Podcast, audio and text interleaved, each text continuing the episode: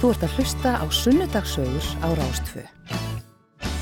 Þá er fyrsti gestur mættur í Sunnudagsögur og það er engin annar en Þóraldur Heimisson, prestur. Þóraldur, ég segi prestur, þú ert í grunninn prestur en þú ert svo margt annað.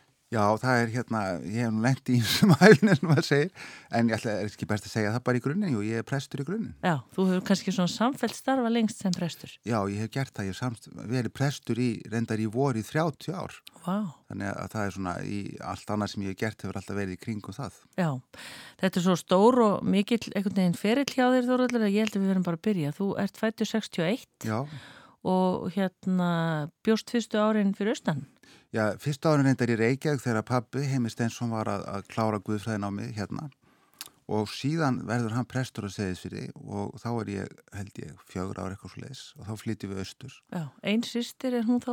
Nei, hún er, sko, ég er á einn tíu ára þegar hún fæðist og, og þá erum við komin til Danmörkur. Já, ummitt. Hvernig, mannstu eitthvað frá segðsfyrði? Já, það er nefnilega, já, margar svona, svona ljósmyndir í kollinu frá segðsfyrði og þetta var í minningunni dásamlegu tími og, og hérna indislegt að vera batna á segðisfyrir sko og það var alltaf sól í huganum og snjórin þegar hann var og óveðri þá var það líka indislegt Já. og við vorum að sigla þarna á pollinum og, og gera alls konar hluti sem að sko börn mættu aldrei gera í dag. Eldri krakkarnir voru að smíða báru í aðs kajaka og tjarga það og svo voru við sett í þá og sildum hann út fjórar og gömmel sko. Já, einmitt Indislegu tími. Já, en að vera svona prestsónur, hvernig svona fyrir batn, er það? Já, það var ekki fyrir mig á neitt nátt erfitt. Pappi var náttúrulega ba bara prestur, svona venjulegu prestur fyrstu þrjú áruna sínu starfi og svo ekki aftur fyrir laungu síðar. Já. Þannig að ég ólstreyndar ekki upp sem kannski hefbundi press batn og þann nátt. Nei, ummitt. En ég man til dæmis það var bara einu sinni sem okkur pappa lendi saman og segið sér um orðað svo leiðis og það var þegar við höfum lendið í smá gödustriðið þarna, krakkarnir á nesinu þar sem pressetið stendur við aðra krakka innan úr bæ og við höfum flúið undan þeim og einn fyrir sko múrin sem var kringu pressetrið Já. og þaðan vorum við svo að rýfa upp, upp svona blóma og moldarköklu og henda út fyrir í hausin á krökkunum fyrir utan. Já, ekki vinsæl. Þanga til faði minn allt í hennu byrtist og var ekki ánaður. Nei, ég trúi því. Uh, þú og síðan farið þið semst frá segðisfyrir til Danmörkur? Já, síðan sko pappi ferindar í framhalsnám fyrst til Skotlands í, í kirkjusögu og meðan er, er við mamma í Reykjavík og mamma er að vinna þar og síðan förum við semst til Danmörku þegar ég er, er 7 ára, eða 8 ára gammal. Já, þannig að þú ert svona, þú svolítið sildur, þóraldur. Já, ég, ég, við fórum hann til hans sem í Skotland líka og heimsóttum að þar og og svo byggum við í Danmörku í, í þrjú ár. Já, og þú mæntilega mannst vel eftir því. Jú, jú, og það lærið maður dönsku og hef alltaf haft hana með mig síðan. Já. Svona eiginlega bara líka við í blóðinu. Svo. Já, mamma einn Dóra Þórhaldsdóttir. Já. Hún starfaði nú hvað lengst af hér, er það ekki?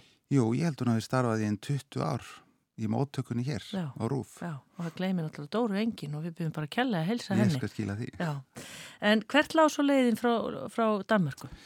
Já og síðan þá, þá sagt, með milli lendingu í, í nálat Bergan og Karmu í Nóri í hálft ár þá sagt, fórum við í Biskustungunar þar sem að þau ráku saman líðháskólan í Skálholti, fóröldari minnir Já.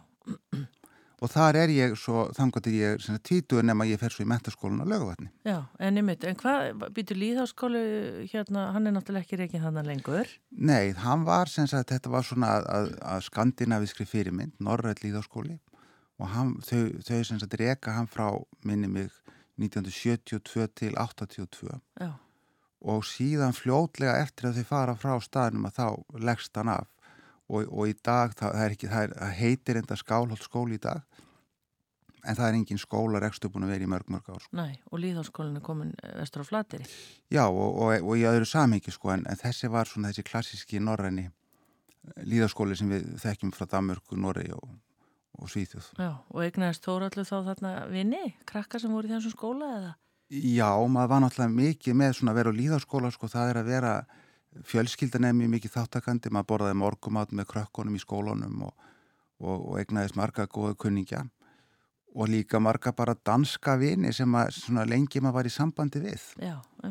Og, og það er alltaf svona strengur hjá mér sem slær fyrir Danmörku, mér þykir alltaf rosalega væntum Danmörku og þegar ég kem þanga þá finnst mér bara í raun og veru að komin heim. Já, einmitt. Svo er það mentaskónu og lögavatni og þá er Þóraldur hvað? Þá, ertu, þá er það bara heimavist? Já, þá er sem sagt heimavist í, í fjögur ár. Hvernig var það?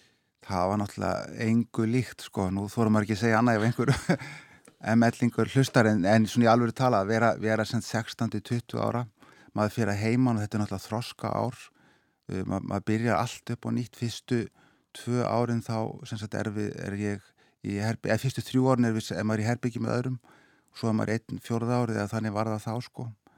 Og maður mótast held ég fyrir lífstíð. Já, var ekki talsverð svona íþróttaiðkun og lögavatni?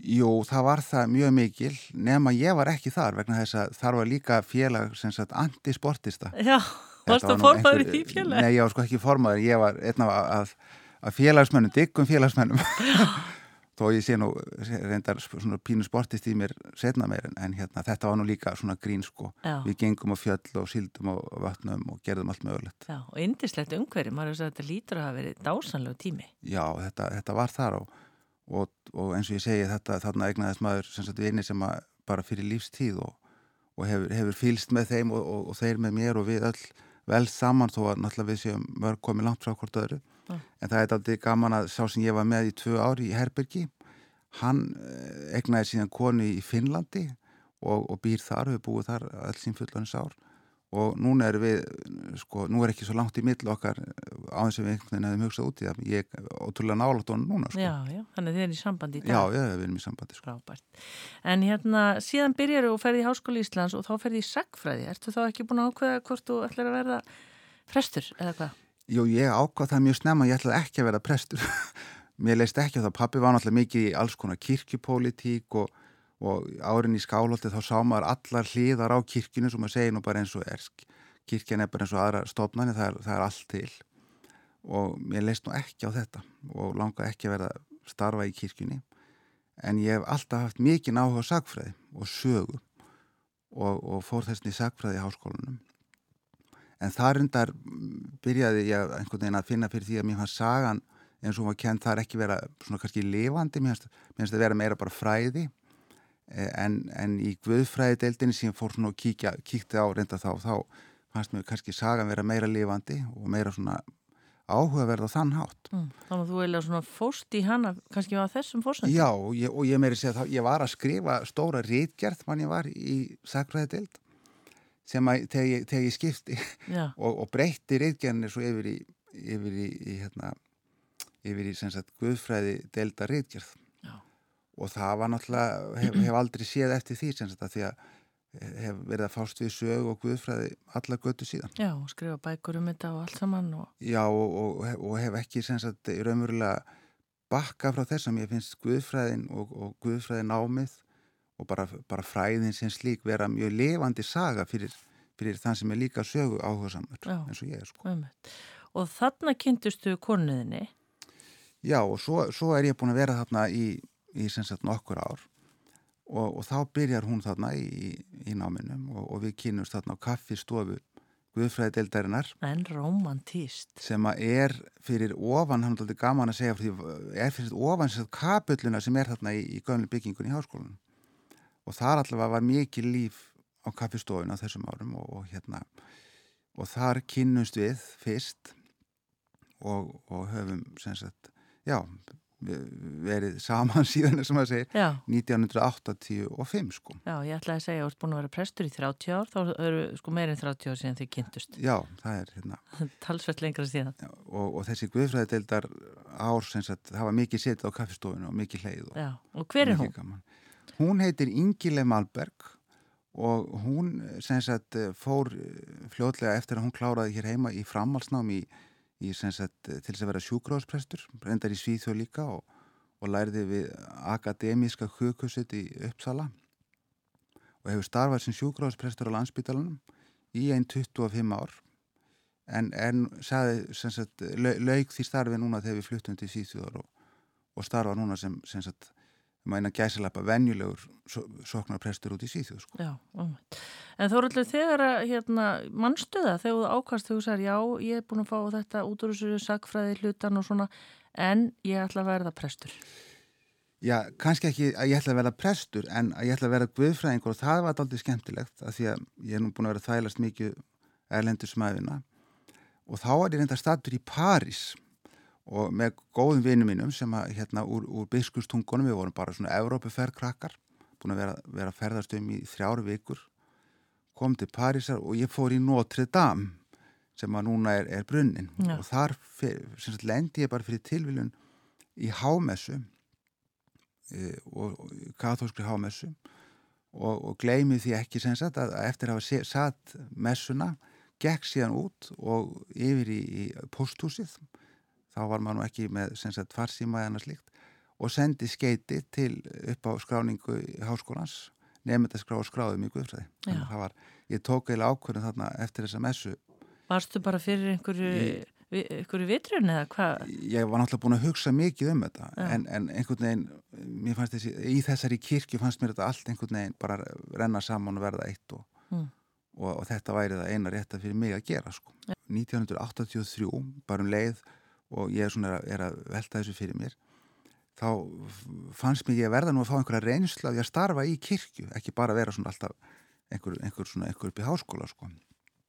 þó ég sé nú hafi þekkt kirkjuna alla mína tíð. Já, Þannig að þá fór ég upp í Langholskirkju þar sem að Já. sér að Sigur Haugur var og bankaði dittnar hjá honum og spurði hvort hann vantaði ekki bara íleipamann og hann held það nú, blessaður sér að Sigurður, blessuð sér minning hans.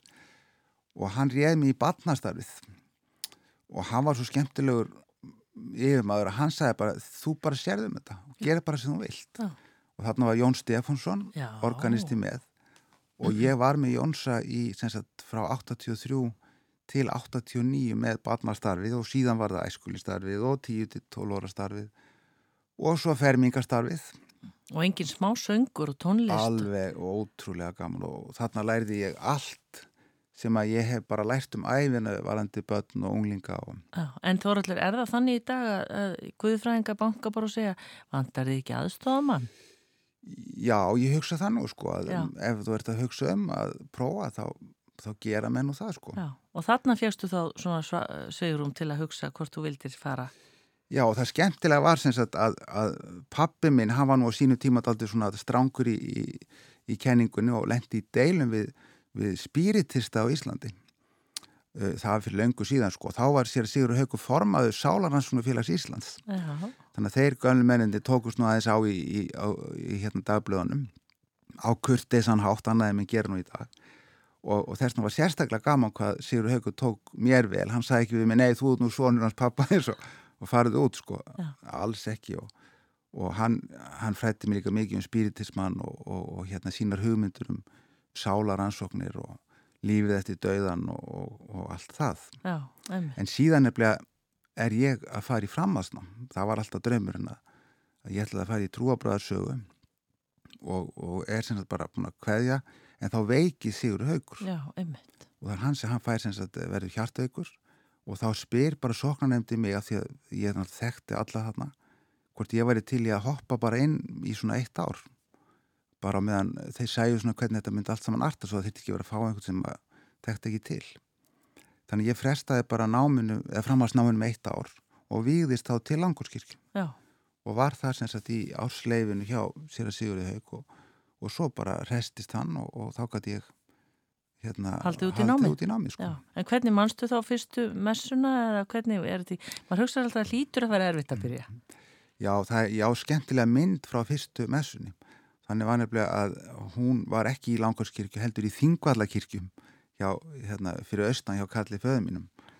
Og þá mætti það líka starfsfólk úr Langurskirkju sko, þá búið að výja mig til Langurskirkju og þá var tekin að mig mynd af stráknum þar sem maður var að messa. Já, og ég á þá mynd. Og ég sé alltaf, ég kíkja oft á hana hvað ég var rosalega stressaður. Og með stór gleru og, og, og fölur og fár þetta var nú erfið stund. Ég man það, já, hérna, hérna. man það sko. En hérna, svo, fórstu svo hérna, þegar hann snýr tilbaka, Sigurður, að þá ferð þú út í námið eða hvað? já, þá, ég var sko búin að fá sagt styrk, norræna styrk til að fara í framhalsnám og hann var með þeim sagt e, þá, þá var eiginlega þær kröfur að maður bara að skipta náminu milli tveggja Norðurlanda. Þannig ég fer fyrst í, í Árósurháskóla og, og er þar við stopnu sem heitir Dialogcenter eða, eða samtalstopnunin sem að Guðfræðidelt Árásur Háskóla rekur og, og hérna þaðan fer ég svo til Uppsala Mm. og, og sest á held, held áfram sest að þar Já, er þetta tvö ár þá eða? þetta eru, þetta eru raunverulega fjögur ár Já, vá. tvö ár á, á, á hvorum stað Já, og hvernig er þá fjölskyldu hægirnir á þessum tíma? Já, þá eigum við sem sagt e, tvær dömur og svo þriðja bætist þarna við. Þannig við erum, þegar við erum komið til Uppsala þá erum við með eh, sem sagt dætur okkar þrjár, eh, svo elsta sem er núna 32 ára og svo einn sem er fætt eh, 90 og einn sem fæðir svo 93 sko. Já, einmitt. Þannig að þú er svona, já, eða þið hefur svona lagt grunninn að smá sænskum hérna, áhrifum hjá þeim og sem hafa aðeins skila sér. Já, já, já, það er, það er hérna svo, svo elsta sem er nú reyndar læknir núna og býr út í Uppsalaði mitt og læknir í knýfstar réttar hjá. Hún alltaf er, hefur alltaf verið reyparinnat í, í, í sænsku. En svo reyndar er svo skemmtilegt að, að svo yngsta, hún fór á líðaskóla til Danmörkur og, og hérna Sveikalpartin síðan og er alveg talar dönskuna alveg flýðin Já, já, og, og svo í miði líka, þær eru svona meiri dan, danskar í sér. já. Þið eigið semst fjöguböld. Já. Yngstur er, er, Það er hann Heimir, eftir, heitir eftir papp afa sínum. Og hann er sem sagt 14 ára núna. Já, bara þessa helgina faktist. ó, og hann býr með ykkur úti? Já, og er það að passa upp á íslenskuna eða hvernig? já við erum þetta búum upp í, upp í sveit þannig að það er ekki engin Íslendingur. Og engin þessna íslensku kjensla, það er hægt að fá svona kjenslu í heima tungumálinn svo það kallast. Eh, en þá þarf maður að vera að minnstakosti fimm en, en við náttúrulega reynum að passa það og pínum hann til að lesa og hann vil náttúrulega helst verið í tölvinni bara Já, já, En það er svo gaman að því hann er með vini begja vegna Allandshafsins sko að þeir eru alltaf í sambandi mitt að spila saman, Íslendingar og Svíjar og hann. já, í tölvuleikjunum? Já, já, já. já, já. Það er sagt, hann heiti hvað? Hann heiti Hann Heimir, heitir Heimir. og svo er fyrir, Já, svo elsta heitir Dóra Erla eins og, eins og amma Já. og svo er það sem sagt Rakel sem er, er í miðunni. hún er, Hún er, hún er kennari og er endar að fara til Laos að, kenna ensku þar Já, í vetur. spennandi. Og svo yngsta heitir Hlín og hún er í læknisfræði hérna Já, í Háskóla Íslands. og hún kemur til ykkar og þið til hennar svona þegar færi gefst. Já, það er bara svona reglulega sko. Já, það vil til að það er flóið þarna á milli. Það vil nefnilega til. Já, heyrðu, en við skulum halda áfram með hérna lífið þitt. Hvað hérna e, var alveg ákveðið þegar þú varst búið með þetta námi í hvað trúabræðafræðum? Hvað þú skildi taka yfir hend- hendur? Já, sko, það er nú, það, ég, ég er nú svo löngum, sko, samfæstum það að maður ræður ekki alltaf sínum að ferðinni sjálfur, heldur, maður hefur svona handleyslu gegnum lífið og, og þegar ég var komin á setni hlutan þarna í trúabafræðinni og þá var enda yngileg mín, hún var þá að læra sagt sjúkrahóspressfræðin að þá eh, langaði mér nú til að kynast það í sænsku kirkjunni þannig að ég fer og banka upp á dittnar, hérna þáttið frekur hjá, hjá biskutnum þarna út í Uppsala. Og hann segir, já, jú, heyrðu, þú, þú mátt nú alveg prófa að vera prestu hér en þú ert fyrst að taka próf. Sem sagt, já, heyrðu, ég er nú með próf sagði ég, já, það dugar ekki hér hann, ég var að taka próf í sænskum kirkjurétti og kirkjusög Já, já, og, og þá er ég sagt verði að le- lesa fyrir það og svo er ég kallaður hana fyrir fyrir dómprófast í Uppsala, ekkit smá sem að yfirheyri mig hvort að ég geti nú staðist það að vera prestur í sænsku kirkjunni og það kom þá í ljós að hann var mikil Íslands vinnur og hafði starfað með einum af mínum gömlu kennurum úr Guðfræðdeldinni sem hafði verið prestur með honum út í síþjóðu sínum tíma já, já, Þannig að þegar að ég sest hjá honum og hann spyr þekki þú þennan mann sem heitir reyndar Kristján Búarsson og var kennari hér við Guðræðdeldina. Já, hvort ég gerir, segði ég.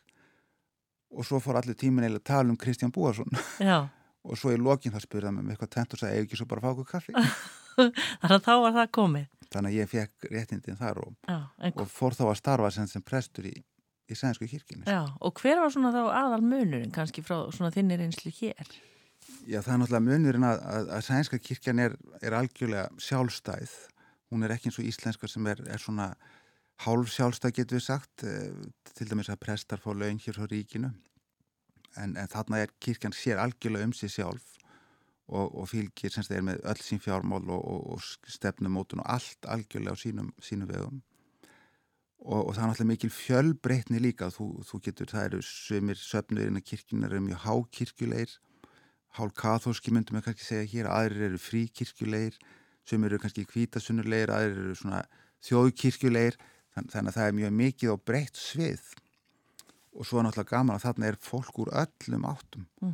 uh, sem að vinna með sem sagt bara úr öllum heiminum þannig að það er gríðarlega fjölbreytilegt starfið kannski og á þann hátt uh, öðruvísin hér þar sem, þar sem er kirkina alltaf miklu minni og, og færri og, og svona kannski já, eins og, eins og ég segi e, ekki jafn frjáls að því sem hún vil ákveða sjálf eins og út í, út í Svíþjóð. Nei, en þurftið þú alltaf á þessum tíma kannski bara að hugsa ætlum við bara að vera hér eða ætlum við að fara heim til Íslands? Já, það, það var, það, við vorum ákveðlega ánægð þarna og leið, leið ákveðlega vel. Og, og svo kláraði hún yngileg mín sitt nám sko og ég kláraði mitt nám. Og í raun og veru þá, þá ég var komið þarna fasta stöðu og, og við vorum mikið að hugsa um að vera bara áfram, vera bara áfram úti. En þá eiginlega kemur það upp að, að það er, það er hérna auglist eh, staða í Hafnafyrði, prestaða þar og, og kona mín enn úr Hafnafyrði og Hafnfyrðingur og við náttúrulega verið það mikið og, og þannig að mér fannst kannski rétt að prófa að sækja þarna um sko. Og, og var eiginlega ekkert á því ég myndi fá það en, en sótti samt um að til, til gamas mm. og, og fekk þá, þá stöðuna við Hafnarfjörðarkirkjum mm. og þá verður við að fara og hún, og það var nefnilega þetta, já eins og ég sagði þetta með tilvílanirnar, um leið þá var kannski þetta sem ég sótti, þá, þá losnaði líka starf hér sagt, fyrir sjúkráðsprest við landsbytalan, þannig að hún sótt um það um leið og við fengum bæði þessar stöður. Já, já, það var bara að vera að tóða ykkur heim, þóraldur, eða ekki? Þannig þannig að það, það var, eins og ég segi með tilviljun að, að hérna, þá náttúrulega gáttu við ekki sagt nei við okkur sjálf og fórum og, og fluttum aftur heim, sko. Já, og þá ertu í Hafnarverðarkirkju í hvaða langan tíma? Já, það, þar er ég svo alveg í, held ég, já, 16 ár Vá. í Hafnarverðarkirkju. Já, er þetta ekki bara, er þetta ekki allt vinnið þínir og búin að skýra all börnin hann og Jú, það er, það er hérna hafnfyrringa náttúrulega og ég, kona mín náttúrulega fætt og uppalinn í hafnafyrði og, og hennar fjölskylda býr þar öll og, og hefur búið og þannig að ég er nú, ef ég er eitthvað í botni þá segir ég sem ég er allavega innfluttur hafnfyrringur, það er nú til þrenskonar hafnfyrringar, innfættur, aðfluttur og innfluttur og innfluttur það er sá sem er sem giftist hafnfyrring. Já, ymmit. Þannig að, jú, jú, mér þykir nú ákvæmlega vænt um sjálfsög. En þú mútur seint fá að kalla þig gablara? ég er ekki gablari, það er kona mín er gablari sko, hún er, er alveg ekta en ekki ég sko. Nei, einmitt. En, en hérna, þú lærði líka þóraldur að við tjóluðum um sko trúabræðafræði en þú fórst líka í svona, hvað er þetta, fjölskyldu með, meðferðar nám? Já, og það, það gerði ég einmitt á þessum setni hluta þarna úti í Svíþjóð og það er, er sem sænska kirkjan býður upp á mjög, mjög fjölbreytta starfsjálfun sem annað er bara pre, almennt prestar. Og þetta var eitt af því og þannig ég, ég tók sagt, það innan sænsku kirkjum það heitir Lúkastofnuninn sem, sem að kirkjan rekur og tók sagt, eh, fjölskyldur ágjöf innan kirkjunar Já, og er þetta er náttúrulega nátengt? Þú ert alltaf að starfa Já, ekki... þetta er nefnilega og það, það var kannski þess vegna að ég, ég, maður var svo mikið að vinna með fjölskyldum. Já. Alltaf í, í fjölskyldu vandamálum og mér fannst ég kannski vanta svona verkfæri eftir Guðfræðinámið og, og, og sagt, allt það og þessna gerði ég það sko. Já, og spinnast þarna einhvern veginn eða byrjar að hugsa þarna um svona hjónanámskeiðin þín eða? Já, og svo, svo kem ég sem sagt heim og, og þá er upp, upplifi ég það að sagt, prestur á að gefa út vottorð, skilnaðavottorð eins og það er kallað sem að var náttúrulega að hugsa þannig að þú átt að ræða við hjóninn og, og áður en þau bara fá votturðum með því með í skilja. Já. En ég hef upplifið það að hjón koma til mín þegar þau er búin að ákveða það að skilja og sitja sitt hverju hotnin á skrifstofunni. Við viljum fá votturðið. Já, vil ég eitthvað ræða það? Nei. Svo bara skrifaði maður undir og bara hefa nice life sko. Og mér fannst þetta eiginlega vera hálf svona lélegt af mér Þannig ég ákvaða að, að setja saman uh, námskeið og prófa það að bjóða upp á uh, þannig að fólk geti komið aðeins fyrr og, og hérna hvort það væri að gera eitthvað aðeins fyrr áður um að fyrr út í það bara að skilja. Já. Og þá uh, byrjaði ég og það er bara eða sama áru ég kem heim, það er 1996 sko. Og hvað segir að sjö margir einstaklingar búin að fara á námskeið hjá þér? Þetta er Já, sko engin smá tala. Nei, þetta er nefnilega, þetta er nefnilega alveg ótrúlegt sem að þetta er 96 Já. og það hefur það verið, ég ætlaði bara að vera með eða tvö námskið þann vetur en, en hafa, þetta hefur verið alveg stöðut alla tíð síðan. Og, og það eru sem sagt í dag í kringum, það er eiginlega ótrúlegt að segja frá því í kringum sko 10.000 pör sem hafa farið. En, en þetta hefur verið haldið sem sagt þetta ógs mjög hratt og svo hef ég haldið þetta um alland, farið held ég á alla, alla staði fleiri en þúsund manns og verið með námskið. Og er þetta bara einn kvöldstund eða? Já, þetta er bara einn kvöld. Þetta, fyrst var ég með þetta reyndar sko, þrjú kvöld en, en mér fannst vera eins og bara fólk er það svo mikið að gera og menn fannst, fannst erfitt að binda sig og, og þá kannski kom samvinskupið ég kannski bara búin að koma tvísar og missa því þriði og þá var allt ómulegt. En í staðin þá sem sagt er ég með heimanám sem er í sjö vikur. Þannig að þegar fólk er búið að koma á kvöldið og taka þátt að þá, þá fær það með sagt, eh, heimanáms eða vinnu saman út frá því sem við erum búin að vera að ræða þetta kvöld. Og, og síðan þá eftir þann tíma þá ef því finnst það þurfi frekari ráðleggingu eða, eða jafnvel samtali eða slíkt þá getur fólk haft samband og, og hérna og spurt hvað, eða vil fá eitthvað meira sko. Já, ummitt. En og þú tekur, af því ég hef svo oft tekið viðtalið ummitt um þessi námskeið, þá er alltaf bara gegnum tíðina, að þú hefur alltaf lagt svo miklu áslag að þetta er ekki bara fyrir fólk sem er komið að því að, að skilja. Þetta er líka bara til að þú bæta sambandið. Já, þetta er, þetta er einmitt, ég myndi bara segja alls ekki, því ég fæ líka stundum bref frá fólki sem að, ég bara hugsa núna bara í vikunni fekk ég frá, frá hjónum sem að er mjög illa statt fyrir og, og, og ætlið að koma á námskið, ég sagði þið hafið bara ekki þá námskið að gera þetta er bara ekki, þið er ekki þar það, þið þurfið fyrst að gera þetta og þetta og þetta sko. þetta er einmitt eh, best að koma þegar maður er jafnvel bara, mann líður bara mjög vel eða, eða maður vil bara virkilega gera eitthvað gott fyrir sig og sitt samband Já. Og ertu búin að sjá kraftaverkin gerast þarna Þorvaldur? Já, mér finn, ég náttúrulega heyri það að, að hérna og eftir öllu sára ég hef búin að heyra svo marga sögur að, og fólk er mjög, mjög ánægt með þetta. Og, og þá er ekki vegna þess að ég hafi gert eitthvað frábært heldur vegna þess að þetta námskeið það byggir þannig upp og það svona opnar augu okkar fyrir því sem við vitum sjálf. Sko þetta er svona já, auðvitað, auðvitað ég vissi þetta. En, en við kannski gleymum sko. Já og, og verkefnin, heimaverkefnin þau, þau líka hjálpa okkur að, að við þurfum að vinna þau og gera þetta saman og þetta svona brítur ákveðin kannski stundum múr eða hjálpar okkur upp ákveðina hæð eða yfir einhverja hæð eða hindrun uh, til þess að, að geta svo bara sjálf því það er náttúrulega markmiðið með þessu sko. Áður við tökum inn að smá hlýðið þórallu, bara svona rétt í lókin ef við bara hvaðjum þetta, því ég veit að þetta er bara, það er svo margt annað sem við ætlum að ræða við þig eh, eða ég ætla að ræða við þig eh, Sagt, hvað tekur út úr þessu námskeiðum? Bara svona eitthvað sem að einhvern veginn enginnir allt þetta sem fólki er að glýma við. Ég, ég held það sem að enginnir allt og, og það er alltaf kjarnum nú ég er búin að vera með þetta ekki bara hér heldur líka á, í Danmörk og í Nóri og, og í Svíþjóð. Og það, það er alveg sama þó að líði sko ár og öld og allur þessi tími og hvar maður er. Þetta er alltaf þetta að fólk einhvern veginn hættir að gefa sér tíma fyrir hvort annað, teku hvort það er eins og sjálfsögum hlut og, og allt í einu þá bara uppkvötu það að sambandið okkar sem var til einhver tíma þegar við vorum ástofngin og hittumst, við hefum bara hlaðið utan á það svo miklu öðru að við hefum bara glemt sambandinu og við vöknum eitthvað við þetta og horfumst í auðu og bara hver ert þú?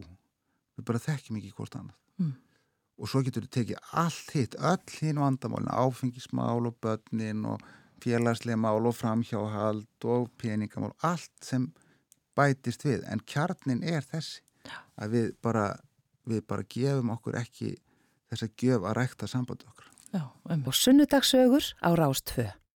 Þá ætlum við að halda áfram, Þóraldur Heimisson er gestu minn, Þóraldur, við vorum svona, já, því með þó með hafi langað alveg að tala um hjóna og fjölskyldunámskeiðin sem við erum búin að halda hér á Íslandi og út um allan heim, þá verðum við samt að halda áfram. En, en hvernig, bara fyrir þig sjálfan sem einstakling, eh, að skipta lífið þínu, allt sem þú ert að fást við, þetta hjóna, þetta lítur að vera búin að taka svakalega mikinn svona tíma.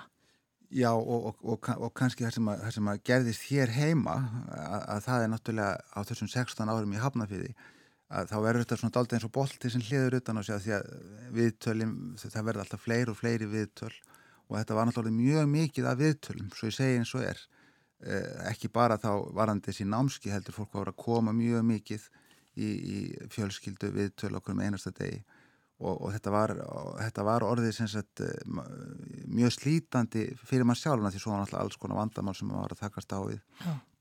og líka þarna svo kemur hann að kreppan yfir og þá lendi ég nú í því að vera líka eins að blanda mér inn í það. Við vorum að sitja upp þarna sumar hjálpina fyrir, þegar var lokaði hérna hjá, hjá hjálparstarfi kirkjunar og, og, og sagt, e, þannig að á einhverju tímapunkti var ég orðind aldrei þreyttur á öllum þessum viðtölum. Þetta að tegur rosalega á kannski vera með mörg viðtöl á dag Það var svona tankurinn var að tæmast. Já, fyrir utan það vera náttúrulega í bara pressstarfinu og, og allt það sko. Og fjölskyldufaðir Já, einmitt þannig að, þannig að það var svona þetta svona hlóðstóldi upp, getur við sagt. Já vegna þess að, að hvert, hvert einasta viðtal þú ferð inn í það og þú ert með fjölskyldun og þú, þú verður að gefa þig allan í það sko. Já, og hvað, og hvað, og kostu þá bara einhvern veginn að kúpla þig frá þessu eða hvernig?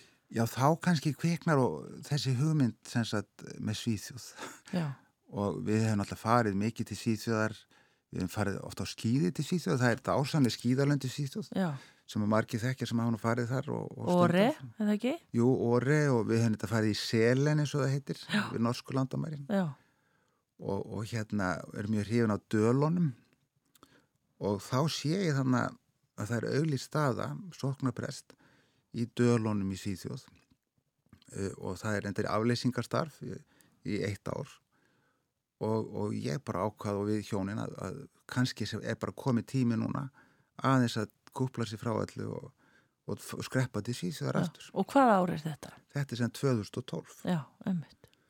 Og, og, og ég ger þetta, þetta er þetta mjög stór söfnöður sko, þetta er, eru sem sagt 40.000 manna söfnöður og 120 starfsmenn Já. sem að ég, þetta, sem, þetta heitir kirkjuhyrðir, það er svona eins konar soknaprestur og starfsmannastjóri í, í eitt, maður blandaði saman Þannig að já, við erum með 120 starfsmenn sem sagt og, og sex söfniði og sjúkrauskirkja og fangelsi og herrprestur og skólaprestur allt undir þessu. En ert þú þá ekki sjálfur í messonum eða hvernig? Já, þá er ég raunverulega, þá messa ég bara eina helg í mánu. Já. Og, og það er nú kannski, og svo náttúrulega þeir eru háttíðir og annars svo leiðis að þú kemur og, og tekur þátt. En þetta, þetta er mest svona, svona rekstur, getur maður sagt. Já, á þetta vel við þig?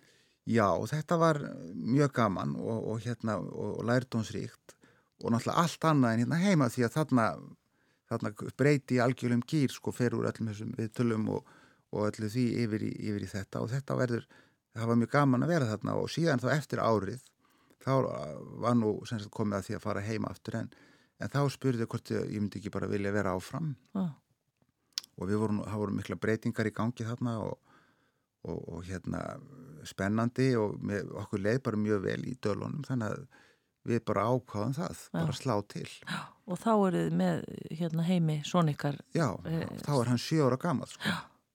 þannig að þá bara sagt, ég með kurt og pí haft fyrringa og, og, og við, við sagt, setjum staðu úti og, og kona mín kemur og starfa þá, sem, hana langaði líka einslega breyta til að verða svona eins og ég segi innan gæsalappa venjulegu prestur og hún fór að starfa líka hérna í litlum sveitasöfniði í dölunum lengst inn í skóinum sko. Já, þetta lítur náttúrulega líka að vera þó er allir mikilvægt einhvern veginn að þegar maður finnur að það er aðeins fara að ganga á mann og maður er svona aðeins að tæmast eins og ég sagði á tanknum að bara skipta eins um gýr.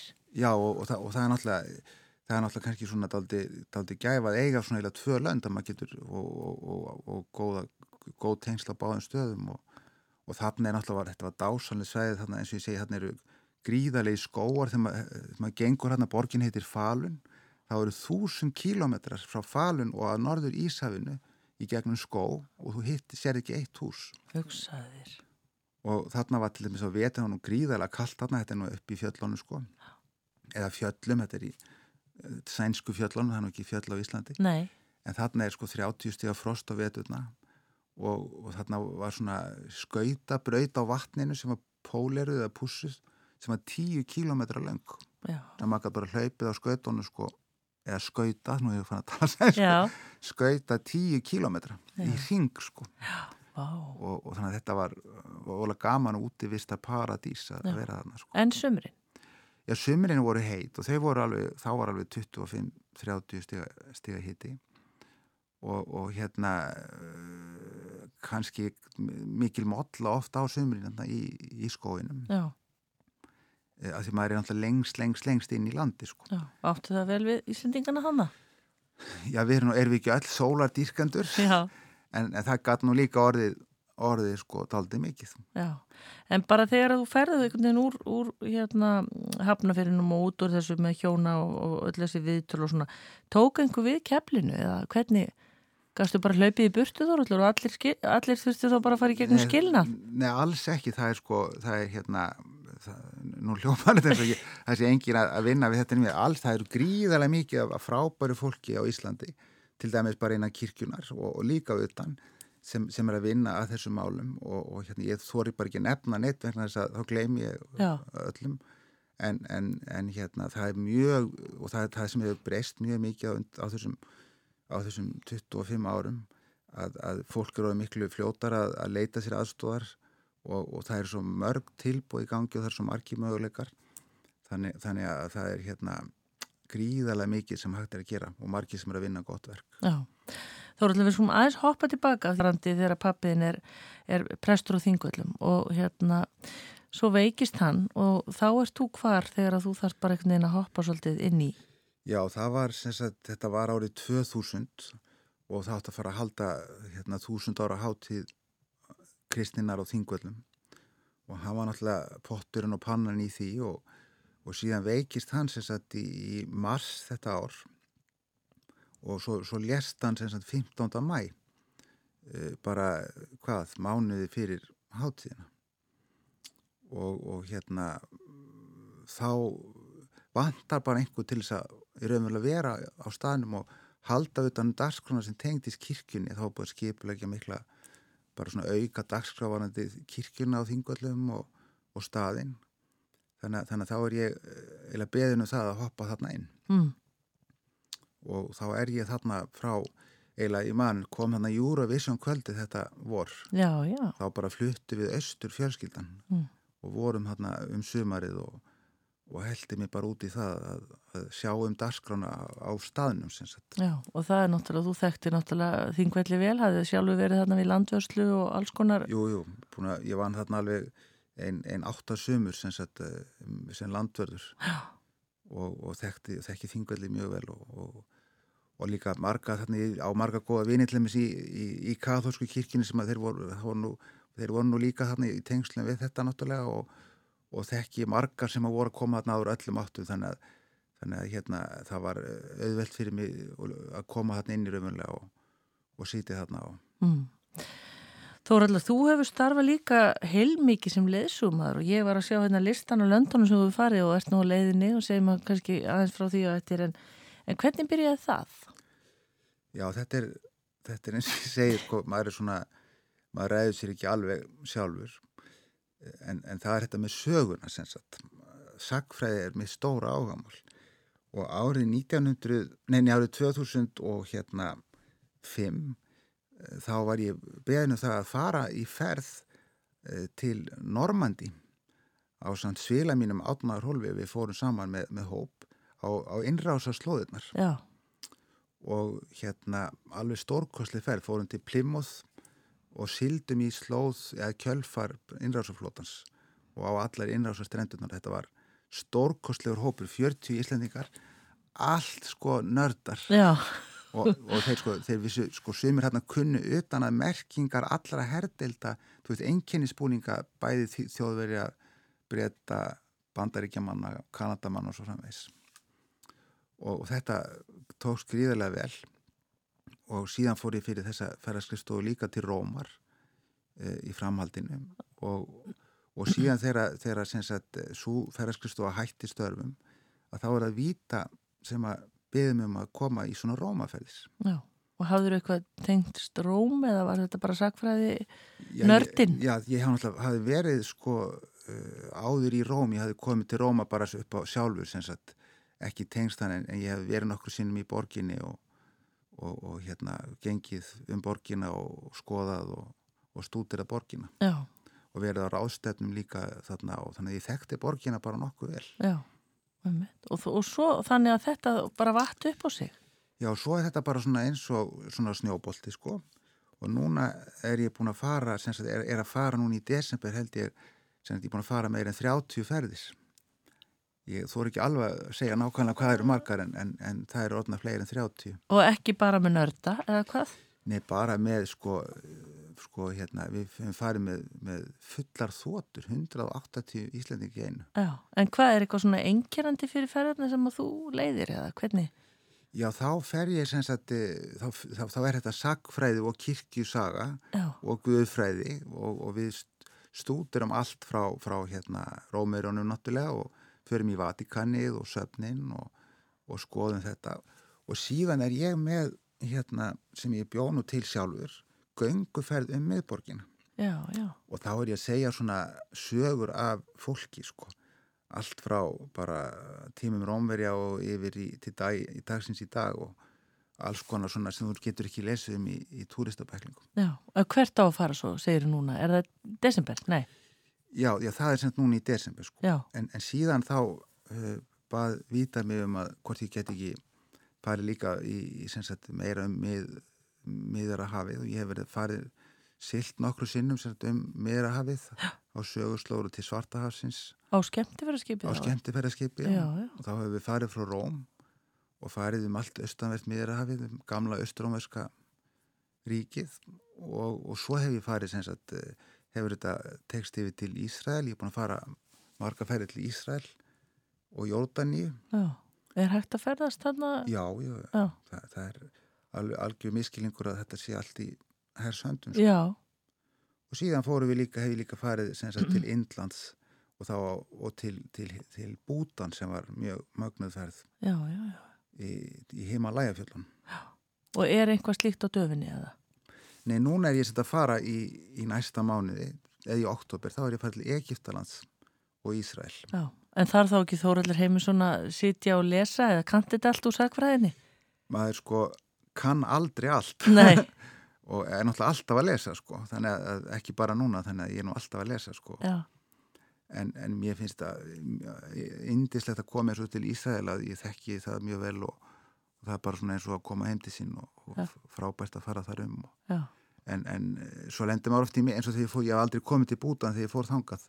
Og lendum þar í miklum ævintýrum, kerðum upp í sko 3000 metra hæð og, og vorum farin að, vorum farin að syngja sko barna eða sunnudagaskóla salma bara því heldum við vundum aldrei lifa þetta af því það fallhæðin er svo mikil sko ef maður kerur út af. Já, einmitt, wow. mikið ævintýr og, og þannig hefur maður kynst svo mikið á góðu fólki sko og þetta er alltaf íslendingar Já, og er þetta mikið til sama fólki sem er að koma? Nei, þetta er, þetta er alls konar fólk þetta er, þetta er náttúrulega mikið fjöldi sem að sem að hefur, hefur farið með mig sko En er fólk kannski sem hefur verið á hjónanámskeiður og sem þú segir, nei, og þið eru bara ennþá saman og svona haf mikið sög? ég segi, ég, nei, veist, ég passa mig mikið á því. Ég, ég, hérna, og, og það er nefnilega, sko, hjónanámskeiðin eru alveg, þú kemur bara alveg óþektur Já. og þarna koma allir. Þú getur setið við hliðin á frægasta pari á Íslandi og, og, og óþektasta pari á Íslandi eða ófrægasta, ég veit ekki hvernig orða en, en ég efast um ég, maður heyri sjaldan af því að einhver hafi farið á hjónanáski og ég segi það aldrei fólk því hitti það, heyrðu þú, já, er gaman að sjá ykkur aftur. Er, þetta er mjög prívat og við erum að rekkit að tala um það. Nei, einmitt. Uh, Svo er það hérna bækundæðinar, Þóraldur þú ert nú meðalans er það ekki, er ekki eina bara að koma út núna eða hvað? Jó, það er, það er hérna tótið gaman að segja frá því að Ég hef ekki gefið bók síðan 2012 núna. Nú, svona langt síðan. Langt síðan, sko. en ég er búin að vera að, að vinna sagt, upp bók sem ég gaf 2005 sem að héttin mörg og andli trúabræðana sem var svona meira svona yfirlit um trúabræðafræði en nú er ég að gefa út bók sem heitir Saga Guðana og er, er kannski svona framhald af þeirri bók en er meira svona beint um stóru já geðingdóm, íslam, kristni, hinduisma, bútism og svo framvegis. Og, svona, og líka út frá þessum ferðum mínum og, og svona, þetta er svona trúabræða saga og daldi personum flip líka. Já, þegar er... ég er svona að segja frá sjálfuð mig líka á því sem ég upplifað. Og er hún á íslensku eða? Já, hún er á íslensku. Já, En hafa bækurna þennar verið þýttar á önnu tungumál eða? Nei, þetta ég hef bara skrifað sagt, fyrir Íslendika Já, og kannski ekkit farið í það að markasetta þetta neitt. Nei, vegna þess að þær eru allar mjög íslenskar. Og, og þessi bók er það líka ég efast um að svíjar fatti húmórin. Já, ymmi. Þetta er svona fyrir Íslandingar. Já, en, en hjónabækurnar og, og það um hjónabandið og þetta sem hefur skrifað. Já, að, nei, það er bara fyrir Íslandingar. Já, En ég hef aftur á móti heimfært sko námskeið fyrir, fyrir svíja og, og reynda normi líka. já, og það eru væntalega sömu hluti sem fólk er að gleyma við þar. En, en bókin sem ég skrifaði nú einmitt sem að um, um, um sagt hjónaband og sambúð eins og hún heitir. Já, En hún er líka uppfull af íslenskun dæmum og íslenskun veruleika og, og, og það er rosalega erfitt að þýða það. Maður þýtti þá eiginlega bara að skrifa nýja bók á, á sænsku fyrir svíja sko. já, ymmi. Þóraldur, þú ert búin að nefna það að þið fjölskyldan, þið hérna, stundið skýði saman og svona, en hva, hvernig eru svona, e, þú væntalega þarf að stökka svona í þessi ferðalög og er ferkonaðin þá með eða? Já, það er nú bara svona uh, allur gangur á því, hún hefur, hún hefur farið með mér mjög oft til, til Rómar og, og það er náttúrulega eftir að það er bara svona helgaferðir og auðvelt að fara og, og, og þanga hefur sagt, uh, hafa öll börnin farið líka nema bara svo elsta Já, og hún hefur stundu farið með mér í, í lengri ferðirnar en svo stundum þá kemst hún ekki bara, það er svona eins og gengur. já. En, en svona hvernig, hvað gerir þið saman þegar að hérna, þið eigi frí? Já, við, við erum sem sagt eh, mikið útivista fólk og eins og ég var að segja þarna við, við förum á skíð og veturna og Antisportistinn hættur að vera... Antisportistinn hefur hlaupið heilt marathón skal ég segja. Já, og hún, það var hún sem dróð mig út í það og hristaði mér sko leti belgin já, og við vor, höfum verið að hlaupa í mörg ár bara svona trimma og, og það er ekki amalegt í gegnum skóginn og... já, og líka hér í, í, á Íslandi og sem sagt og, og ég hafði það af og er montina því að var hlaupið sem heilt marathón einu Vá, sinni var ekki leðilegt. það var sko eftir og, og það er alveg satt sem er sagt sko eftir 35 kílometra þá hugsaði með mér að nú er þetta bara búið sko. Nú er lífið bara búið sko. Nei þetta var indislega upplýst, þetta var mjög erfitt. Og, og hérna en, en þetta var út í Skotlandi hlupum Edinborgar Já, hlaupið já. Og þetta var ógleymanlegt ævintýr sko, bara upplifunin og borgin og fólkið og skotarnir og Og sigrast þetta eitthvað nefn. Já, og við vorum með hóp frá Hafnafyrir, það voru svona hlaupa hópur Hafnfyringa, það voru haugarnir, Já. haugahópurinn og fara með Íslendingum og hlaupa og, og við komumst öll og þetta var alveg óglemanlegt og svo maður alltaf eins og sko í ljóðinu sjáðu tindin þannig að fór ég sko, já hvað, ég hljóp nú marathonið, þó ég hef hann ekki gert aftur, kona mín hefur reynda hlaupið tvísvar sko, Já, já. hef ekki þrísvar, ég manna ekki já. Þannig að þetta er kannski svona hvað, áhagamál nummer 1, 2 og 3 fyrir þann. Já, svo við höfum bæði áhugaði að lesa, við, við lesum mikið og, og, og hérna e, svo ferðu höfum við gamna, við ferðast, við ferðumst þegar við höfum frítíma saman mikið og, og, og fórum til dæmis núna í sumar með reyndar elstu dóttur okkar og hennar fjölskyldu í mikla svona ferð yfir sem sagt til Finnlands og Álandsegja og, og, og svona eitthvað allt annað sem við aldrei gert á þau sko. En eins og bara um, um, svona ykkar umhverfið þarna. Eru þið, þið duglega að fara þar í svona dagsferðir eða ferða? Já, við, sem sagt, eh, við búum í indislegu húsi upp í sveit, eh, fjóra kílómetra fyrir utan borgina eða bæina sem við, við erum og, og hérna við reynum að stunda, við förum eins ofta við getum bæðið út að hlaupa og hjóla og, og, og hérna þannig líka vattar, við förum að veiða og, og svona eins, eins mikið bara úti við og við getum. Já, um. Hvers saknaru mest frá Íslandi, Þorallur? það, það er náttúrulega marg sem maður saknar frá Íslandi maður saknar náttúrulega alltaf vina og, og fjölskyldunar og, og hérna þó hún sé nú allavega börni mín að týnast út hvert að fættur öðru Já, en mamma, mammaði var hjá ykkur lengi og, já hún var í heilt ár hjá okkur en er nú reynda komin heima aftur. Já, nú svo náttúrulega saknar maður bara kuldans. Hvernig er þetta að sakna kvöldars? eins og núna því ég kom að maður kemur út í Keflavík og, og finnur sko saltlíktina og svo kuldan og það norðan átt og það var svo indislegt og ég held að margir Íslendingar sko áttis ekki á hversu dýrmætu kuldin er svona þessi íslenski salti kuldi sko Einmitt. Og svo svo, náttúrulega bara hangi kjötsins og, og sundlegana. og sundlegan, já, við maður ekki gleyma því ég fyrir alltaf í sund alla daga þegar ég er á, á Íslandi sko Já, einmitt. En hvað sérðu fyrir þér, Þóraldur, hérna, að þið verðið þarna lengi? Ertu ekkit eh, maður sem erst alltaf að því þú sagði sko lífi grýpur alltaf inn í einhvern veginn? Já, núna er einmitt, það er ekkert á, við erum ekkert að í raunverulega hugsa um, um þannig það er bara, núna er svo margt á döfinni og þess, þess, þessar ferðir ég er í svo góðu starfi núna sem þeir, við söndum um það ég er að vinna sem prestur út í Svíþjóð en, en sem að ég má fara þessar ferðir eh, fæ bara frí úr vinnunni og þeir eru alveg sammála því sko Já. og erum bæðið mjög sátt á þeim stað sem við erum og strákurinn okkar og, og hérna við ætlum bara að sjá til svona Já, en heldur þú verið gammal á Íslandi eða þið eða? Já, það, ég held að það sé nú þannig sko þessi gamli málsóttu sko römmur svo taug sem Já. rekka dregur föðu túna til. Ég held maður endi nú alltaf á Íslandi sko. Já, og, og það er náttúrulega, maður elskar Ísland og heldur með því í fótboltanum og, og hv- hvað sem er sko. Og það er, það er náttúrulega líka forréttind að vera Íslandingur eh, hvað sem er til dæmis í Svíþjóð þar sem hann er alltaf veltekið og líka þegar maður er að ferðast með hópa um heiminn og maður, ég er alltaf með íslenska fánan með mér sem, sagt sem leiðsögumæðurinn og fólk klappar, gerir vikingaklappið og það er, are you from Iceland og það, það er rosalega forréttind að vera Íslandingur Já, einmitt. þannig, þannig að það er hjartaslæri nú alltaf hér sko. Já, en hvað getur við svona, eða hvað, að því við þekkjum kannski, að ég til dæmis hef ekkert mikið ferðast í Svíþjóða, þekki ekki vel, en hvernig er þeir svona bara sem, sem auðvitað er erfitt að segja hvernig heil þjóð er, en Já. svona fólki í kringu þig? ég, ég myndi segja að svíjar eru mjög tröstir ef þú egnast sko sænskan vin þá er það tröstu vinnur þeir eru mjög skipulaðir og, og hérna ég man einhver tíma þegar ég var að byrja að vinna þarna og átt að koma á fund klukkan hálf nýju að mótni til og bara svona eins og Íslandingur sko með kaffibotlan fram og mætti hálf nýju og þá sátu allir við borðið og horfðu svona dálítið ásakand á mig sko, það voru allir löngum mættir sko. Já, já, mjög skipulaðir eh, og, og þeir, eru svona, þeir eru ekki svona líka glaði eins og danirnir. En, en eh, þeir eru mjög bara indisleir þegar maður kynist þeim. Já, og eins og ég segi, maður getur alveg treyst á það 100% og gott að vinna með þeim og, og hérna, en, en þeir eru kannski aldrei seinteknir, það tekur tíma að kynnast þeim já, einmitt. og ég held að ég heyri það frá öllum íslendingum að maður, þeir hlaupa svona ekkit í fangi á mann, ég held að það tekur tekur sinn tíma Já.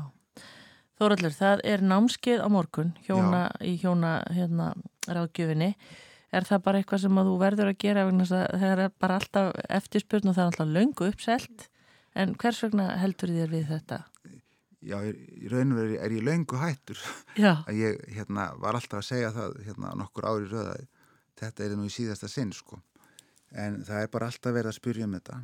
Og, og mér finnst bara einhvern veginn eh, svona rennu blóði til skildunar að, að hérna úr því að fólk getur nýtt sér þetta að þá, já, hver er þá ég að, að gera þetta ekki sko?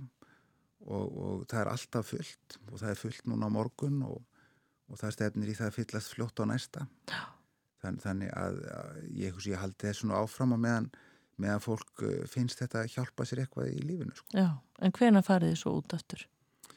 Já, ég fer Þegar það er bara, hægt að vera, að svona heitt eða hvað? já, þegar, þegar er hægt að vera heitt sko, þá, þá hérna reynum maður að fara aftur í kuldan. Umvitað, gangið vel Þóraldur Heimisson og takk fyrir komuna í bara takk fyrir að ég fikk koma. Dísrönn Egilsdóttir og er leikona og ímislegt annað og er náttúrulega bara ennþá að ná sér niður eða ég veit ekki hvert eftir frumsýningu á nýjustu myndinni þar sem hún leikur aðalutverkið hér að þið. Velkomin, Ardís, Takk, kærlega. og til hamingi. Takk. Er þetta ekki rétt hjá mér? Er margir svona uh, einhvern veginn að koma sér niður á skíjana? Jó, það er aldrei þannig og er, þetta er aldrei fyndið þegar maður, já eins og á frumsýningunni þá ég var einmitt að tala um það við mannið minna, það var allt eins og það hægðist á er eins og taugakerfið sé ekki alveg einhvern veginn tilbúið í svona mikið áreiti að horfa, já, á sjálf á sig á svona stórum skjá, svona mikið af sjálf á sig. Já, ég hugsa oft hvernig er þetta fyrir aðalegarana? Maður fer, ne, sko þetta er bara alls konar, svo það er svona fyrsta skiptið kannski þá er maður kannski bara svona í að telja hrukkur og svo, svo fer maður að geta horta á, horta á þetta utanfrá, sko. En oft er, eða ég upplifi það að maður er kannski svona, maður horfður að sjálfa sig, náttúrulega bara bæði krítiskur og allt það, en líka bara svona stundum, svolítið svona kaldur, maður er rosalega svona distant. Þú ert náttúrulega, eh, sko, þið eru oft búin að sjá megnið af þessu en kannski aldrei svona í alveg í samingi og hvað þá við hliðin á fullt að vera fólki. Nei, mjög oft er það þannig. Ég var reyndar búin að sjá hana, fekk, þeir voru svo sætir framleiðindir mínir að þeir leiði mér og manninu mínum að, að horfa á hana áður. Ó, bara með poppi. Já, og rosa fallegt að þeim og, og það var alveg dásanlegt. Af því að þá, gat, þá fór ég náttúrulega bara í ég mitt, þetta, þetta að tælja hrukkur og allt það. En það er líka bara rosalega gott að vera búin að því áður en maður er með fullta fólki. Já. Þannig að þá getur maður bara verið aldrei svona rálegur og séð kvalitetið á myndinni og séð bara listaverkið og, og getur svona, einhvern veginn, verið í einhverjum eh, svona sæmilum, ekki í ofmiklu rofi allavega. Nei, af því oft getur maður verið að horfa á eitthvað og er kannski ekkit að horfa, maður hugsa um Mm. eitthvað allt annað, þú ert reyninu að segja það. Já, Já. já. Eh, Arndísson, hvaðan hérna kemur þú? Hvað er leikið þína rætur?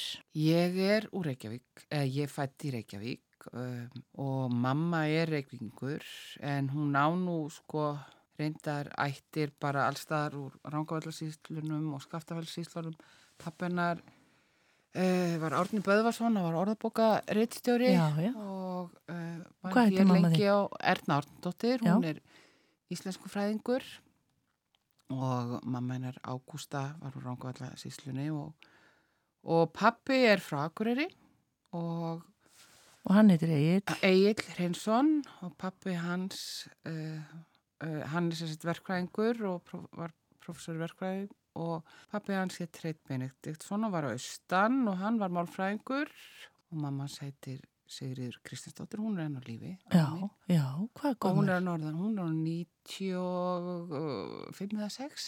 Mm, það er nú er gott bara- þess að vita. Já, Já. Eh, og, hva- en hvar hérna, þannig að fættist þú samt í Reykjavík? ég fættist í Reykjavík. Já. Og e, stórum sískinahópi? Ég hvað? er elst, já. Já.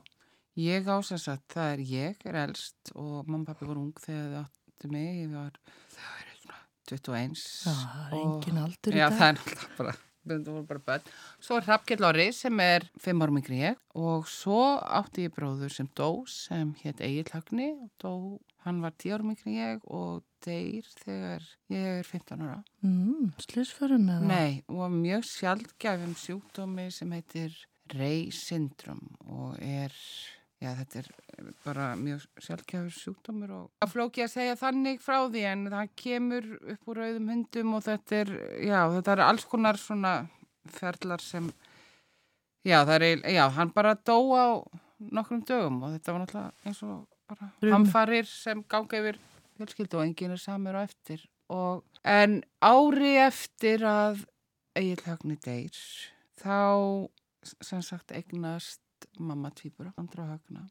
Og þeir eru náttúrulega mikil guðskjöð Þannig að þeir eru þá hvað mörgum árum yngri? 16 árum yngri en ég. Já, já, þannig ég er náttúrulega bara fóringin í hópnum. já, daldi mikið fóringin í hópnum og daldi mikið svona móður tilfinning og gagvart þeim. Alveg, ég menna því ég var 16 þegar þeir fættust og ég er nýbúin að missa bróðu minn, þannig ég var svona daldi í því að bara verja þá fyrir heiminum og að passa upp á þá að ekkert myndi gerast fyrir þá. Já, og eða svona, upp, ég svona upplifi en ég er náttúrulega svo er ég líka náttúrulega bara rosa mikið að djáminu en, en já, en þetta var svona þetta var, að, já, þetta, högg þessi sorg sem að verður að því hann var náttúrulega, hann var óbúslega fallegur og lít, bara fimm ára barn og, og leit út eins og engill og, og þetta er bara einhvern veginn lítið börn eða ekki að deyja. Já, nei, einmitt. það bara á ekki verið þannig. Og þannig að já, það breytti öllu einhvern veginn, það einhvern veginn breytti lífsýninni manns að því að maður, ég var bara einhvern veginn að, þú veist, að full, alveg á full, fúlsving í gelgjunni og, og út á lífin með vinn mínum og, og svo bara allt í innu er það þessi atbyrð sem gerist og hann, það bara kemur einhvern önnur vítin í lífi sem vissir ekki að veist að lífið er ekki sjálfsagt. Já, en, hva, en hvernig áhrif hefur svona á, eða hafið þetta á ykkar fjölskyldu? Að því stundum sundrast fjölskylda, Mhm. stundum saminast Já. hvað? Já, hún gerði bæði, hún alltaf færði okkur vissulega nær hvort öðru og, og þe- þessi sorg sem við eigum saman og, og, og þessi minning um þennan fallega dreng, en mamma og pappi skildu þegar týpuröðin andru högn eru held ég sex ára, já, svona, þá er ég orðin, þá er ég flutt til Parísar sko, þetta er, ég er án 21 þegar þau skilja og, og að auðvitað skilja það allir að áhrifin, það er bara, þetta er, þetta er bara ákveðnar já, ég menna ekki vel að þau skilir hvað sem er, en, þú veist, maður veit ekkert um það, bara fólk, já, lífið er bara svona og Já, en þetta hafði allavega þessi og Já, mikil og stór já, áhrif já, og það er náttúrulega-.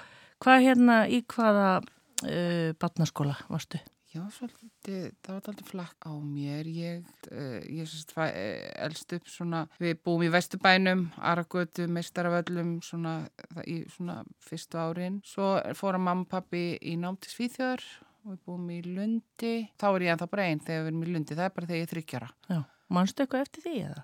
Já, ég man eitthvað, mér finnst þess að ég muni svona eftir svona stúdenda íbúðum og ég man eftir leikskólan, ég man að var, mér fannst allt gott nema einhver viðbjóslega spínatsúpa, en ég veit náttúrulega ekki, svo man ég þegar ég týndi blöðurinn minni í tífóli. Og hún ég. hefur ekki fundist? Nei, hún hefur ekki fundist enn, hún er enn það einhver starf á sveiminum, sveimi. Já. Já, já, þetta er nú það sem ég man frá þessum tíma, en við byggum þarna í ætli, tvö ár og ég man við ferðum staldið líka um Evrópu Afir heitt kom einhvern tíman og keirið okkur hérna alveg söðu til Vínar og þetta hefur, ég var, já, ég allavega held ég ég alveg aldrei góðan minningar Já. þaðan. Og svo fluttuðu eitthvað annað? Já, við fly- flytjum fyrst aftur heim og ég fyrir í Ísaksskóla en svo flytjum við til Bandaríkjana til Virginíu og þar, þá voru þau líka að fara í nám og pappi var að fara í, í framhaldsnám í verkfræði og þá er Hrafkjell bróður komin, hann er fimm árum yngri ég og það var alveg daldið, já ég var alveg daldið góða minningar frá Virginíu, ég átti hann að besta vinn sem var indverskur, þetta Amid og líka mjög góðar vinkonur sem voru frá Kenia og Svíþjóð, Viktoria og Tanja og ég skilði dúkkunum mín og ég hef á Viktoria, hún var dökk og, og þetta var svona, þetta er auðvitað aldrei svona skemmtilegu tíma í Ameríku þú- þetta er 75-6 og það er svona þú veist þetta er aldrei stúdendarhefing og svona frelsi og hvenna, mikil svona hvenna barátta og það var náttúrulega fólk, þetta var frá veist, allstaðar að þannig að sem var náttúrulega daldið annar veruleiki heldur svona Ísland á Já. þeim tíma Og þessu manstu vantilega vel, vel Ég eftir? man rosa vel eftir hérna Amit og mömman sem bakaði fyrir okkur nannbrauð og, og, já, ég, og við ferðumst líka daldið svona um og, og já, já, kennara sem var alveg, hún var aðeinslega, Miss Francisco.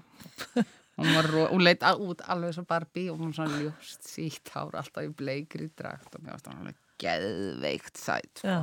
Og hann Og þetta er bara svo í bíómyndunum? Já, já, finnst þau svo börn vera svo miklu svona fegurðarfassistar sko, það var alveg svona, ég man ennþá eftir, þú veist, svo næsta ár kom ég, þurfti að velja annan kennar og þá var ég alveg svona, ó, ég vonum að vera svona sæt, eins og Mrs. Francisco.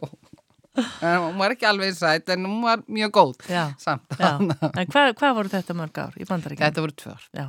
En náður tungumálinu? Já, já, já, já, já, ég er, og ég held að ég er svona djúpsálarlega sé ég ennþá með svona suðureikja, suðureikja reym, sko, já, já, ég var alveg, alveg, já, og ég held ég að við alveg lifað á þeirri ennsku kunnóttu sem ég fekk, sko, alveg allan grunnskólan Já. í rauninni. Já, En best í bekknum. Já, var alveg lang, lang best í bekknum. Já. Ah, en En þegar þú kemur heim, er þá ekki allir vinindir einhvern veginn búin að gleyma artísi? Jú, jú, svo við vorum líka á svona flakki þannig að við höfum verið í Vesturbænum, svo fyrir við í Hlíðarnar og ég fyrir í Ísaksskóla í Áttarabekk og hérna þar hegnast ég nú vinkonur. Já, ég allavega fann um daginn, ég var alltaf að skrifa sögur, mér rosa gaman svona, ég var svona í svona draumaheimi og búið til eitthvað svona ímdaðar sögur og, og þá hafði ég skrifað ástarsögu Mm. ég sem ég fann um daginn eða, eða reyndar bara stóð klámsak þú veist og það var bara svona, já, bara ástarsögur í- úr Ísaksskóla sko af, af vellinum, alveg bara svona margar af all, alls konar börnum já, það var mjög passaði hana vel. ég, ég ætla að passa hana vel Já. ég þetta er eitt að dýrmættast að bara segja já, Já, held ég Já. En nærðu þá sem sagt, að, hérna einhverjum vinkonu sem að svona hafa haldist í... Nei, já, sko, ég hef kynst þeim aftur, að því svo flytju við- þeim sem ég var með í Ísaskóla, ég hitti þær aftur nokkrum árum síðar í MH. Já, já. En nei, svo flytjum við í Kóbóin þegar ég er í Nýjarbekk, en það í Fossástalinn, viðgrundina. Já, Og þar er ég í skóla frá ný, eða sérst í Snælanskóla frá nýjára aldri til 15 ára aldurs. Og þar eignast ég svona mínar esku vinkonur, alveg svona Já. frábæra stelpur, sko. bara svo ég staðseti þetta í- að því ég spurði ekki upphafi, Artís, hvað árist fætt? Fætt 69. Já, þannig að þetta er svona 80 og kannski, hvað, þrjú, fjögur? Já, svo ég svona unglingsárin er svona frá, já, 80, tvö, þrjú, fjögur cirka bát, Já, sko. og þá er svona þetta hverfi svolítið þetta í kópáinu. Já, þetta er er svolítið- já, er svona, það er svona punkstemning og... Og er að byggjast upp, Já. allir með gardínu fyrir Já, klóstónum. já, já, já, þetta er daldið svona, daldið vilt af vestrið, sko. Já, Og þetta var alveg svona röff heimur, það var, þetta var ekkert svona, veist, það var alveg, punkið var í, hérna, svona, einhverjum fíling og þú var daldið Já. mikið, við hefum daldið að hanga á skiptistöðinni og undir mjög miklu típu álega í rifnum, hérna, galabúksum og hermanekka og og göngin þarna. göngin þarna hanga þar og kom reyndar þessi frábæra félagsmyndstöð sem Edda Andrisdóttir og Björn Ægis hana, hana, sem ég gerði nú held ég mjög mikið því það var alveg dald, þetta var alveg dald svona vilt af vestri þetta var alveg töff, Kópavörum var töff Já, sko. mættust þarna Östubær og Vesturbær. Östurbær og Vesturbær og Östurbær var svona jáfnvel svona mei, kannski ekki einn svona Vesturbær meira grándaður Já, sko. miklu Það- meira. já, Já. og það meðan Östurbærum var svona daldið svona Mm. meira röf sko og hann að En þú átt, áttu góða minningar þarna? Ég á mjög góða minningar, ég á ekki bara góða minningar, ég á alls konar svona, ég menn þetta, Trilltar minningar. trilltar minningar af skiptstöðinni og alls konar ruggli, en, en ég samt var nú það skinn sem að ég fór ekki all, in inn í ruggli, ég var nefndir eins og reykjum skóla í þrjá daga. Þá væntalega fyrir að bara rífa kjátt Já, aðalega vilja rífa kjátt bara. Mamma var alveg brjála, skildi ekkert í þessu að ég væri reykjum skólan, sko. Já. En já, það var bara fyrir að rífa kjátt og hérna, og eitthvað svona, bara almenn unglinga, almenna, en þetta voru reyndar, sko, Snælanskóli var aldrei góður skóli, það var svona, eh, það voru góð, ungir kennarar og þeir voru alveg með svona tilrönamennsku og voru skemmtilegir og náðu alveg, sko, til okkar krakkana og þetta, Það er mikilvægt. já, það var mjög mikilvægt og það var alveg, já, það var svona, við gerðum alls konar svona, daldið, eitthvað, fórum eitthvað óhefbundna leiðir í, í, í svona, í námi sem var mjög gott, sko. Já, einmitt. En af hverju vildur þú fara í MH?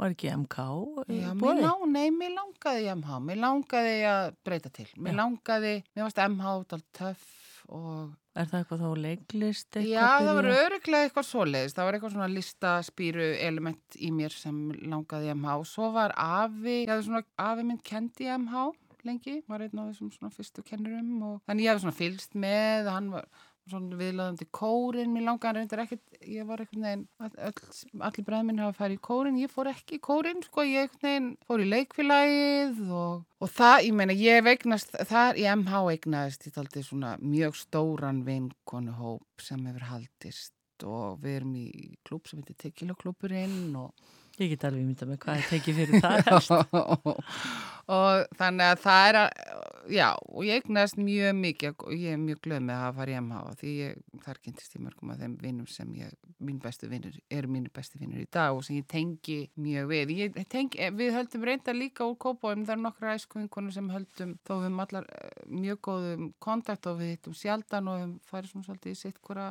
áttina þá er það mjög djúbstæð vinátt og, kannski, og svo vinátt kannski sem maður, ég veit að ég kannski að þegar maður er svona farin að eldast þá, hún er rosalega mikils virði. Þessi, og maður finnur meira fyrir því með aldrei um hvað er gott að halda kontakt við æskuvinni. Ég fór dálítið hugsaði dálítið um þetta einmitt svona vini sem komi heim til mann sem maður kom heim til þeirra og það, ég hugsaði dálítið mikið það var, ég nokk fyrir nokkur márum ég í verki sem hétt History eftir Kristján Eiríksdóttir sem Ólafur Eilsson leikstýrið sem var, já, magnað verk og, og áhrifamikið og fjallar um unglingstúlkur og eða unglingstúlkur og svo hittum við þess að konur 25 árum síðar og svona hvað getur gerst þú veist hvernig lífi getur farið af leið á unglingsárun, hvað það var bara svona stundum eins og opið sprengjusvæði sko.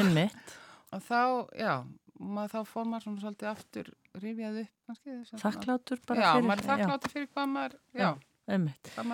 En oft er talað um, um sko MH sem svona, já, annarkvort bara dettur þar inn í einhvern Já. hóp og færið borð og eitthvað. Eða þú bara nærði ekki neinum tengslum Já, og, og áttu enga vini bara Nei. úr mentaskóla áránum. Nei, Hvað er það? Þannig að þú hefur heppin. Já, þar. ég var heppin. Ég var einhvern veginn, voru nú tvær sem korum ég og Bjarni vinkonum minn sem fórum saman úr kópáinum og svo kynntist ég bara eiginlega bara fyrsta degi vinkonum meðal hans hana heru vinkonum minn sem er að vinna hérna og ég ég bara sá hana og ég segi bara, ég var ákvæmum sæti, vil að hún verði vinkona mín, veist, að maður- þetta var alveg svona, sem maður gerði bara svona, Já. sko. Já, ég átti alveg, sko, að því ég er, ég er bæði félagslind og félagslind og ég, hann ég átti alveg auðvilt með bara svona tengjast, já, ég átti það alveg og, og ég egnaðist bara frábæra vinkonur, alveg, og, og einhvern veginn úr öllum áttum og, og þetta er, já, það er fólk sem ég svona fjársóðurinn? algjör fjársæður, sko, af því að þetta er svo mikið af kláru og dýrmætti fólki að halva verið meira nóg, sko. Hérna, að þú talaður um leiklistina, er þetta eitthvað sem bara hafði blundað í því sem barn eða varstu svona... Já, mamma veginn- segir að ég hefði strax fimm ára verið að tala um að vera leikona.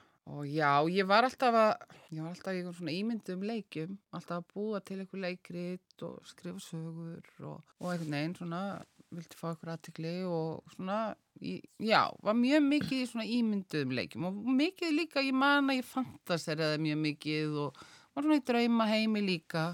En Hvað svo er fræðingatir í kringu þig? Nú voru nú að læra eitthvað. Já, já, ég meina það, það er mikið ak akademikurum og þetta er allt, voða mikið af íslensku fræðingum og það, já, það var svona, ég veit ekki hvað, mamma reyndar og þau, þú veist, íttu bara á að maður gerði það sem maður vildi, þú veist, þau voru ekkert að segja þú átt að gera þetta, það maður fekk alveg, en, en auðvitað, það, maður fann alveg, það var bara, það var sjálfsagt að maður fengi góða reyngunir og stæði sína plikt í skóla, sko.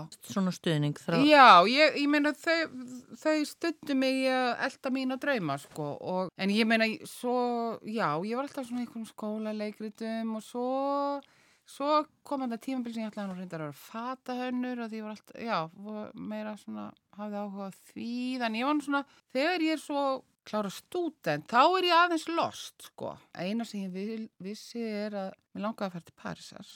Ég, það var eitthvað sem gerist bara því ég var 14 ára einmitt eftir eiginlögnu dó þá fórum við fjölskyldan til Parísar og fengum íbúðlána og fórum við alveg tíma og við skilst sem kom til Parísar Já, og þá bara ákvæði að ég, hér ætla ég að búa það var bara En fallegt. já, það var ekkert annað og örgulega verið þess að opnunni það var svona sumar eftir, e- eftir hann deyr og við erum svona fjölskyldan og, og þetta var bara sko, ég bara, ég var bara með stjörnum, stjörnur í augunum og ég bara, hér ætla ég að búa en bara, Þannig ég fór til Parísar strax eftir mentaskóla. já. En Og- byrjaði ekki strax í leiklist? eða? Nei, nei, ég fór í frönsku fyrir útlendinga og leiði með einhverjum minni um, íbúð upp í Montmartre og svo fer ég í leikúsfræði sem er náttúrulega bara akademist nám og sóttum, komst inn í Sorbonn og í mjög fína svona leikúsfræði deil sem er í- Sorbonn og þar kynntist ég einnig minni bestu vinkonu Rafnildi Haglín, leikskóldi, vorum saman í,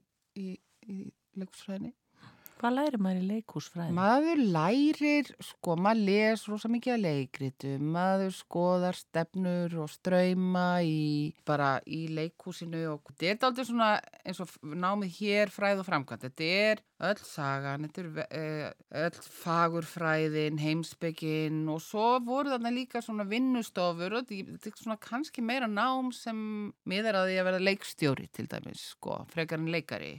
En auðvitað En svona góðu grunnur kannski Já, fyrir ég, þetta? mér, mér finnst ég er mjög þakklátt fyrir að hafa farið þannig, ég hef aldrei geta farið og, ég- og mörguleita fór ég hérna bara fyrst að því ég vissi eiginlegt alveg hvernig ég, hvað ég ætla að gera mér langaði að vera í París og, og ég heyrði um þetta nám og, og ég og ég sagði bara, ok, byrja þarna og, og svo sjáum bara til Já.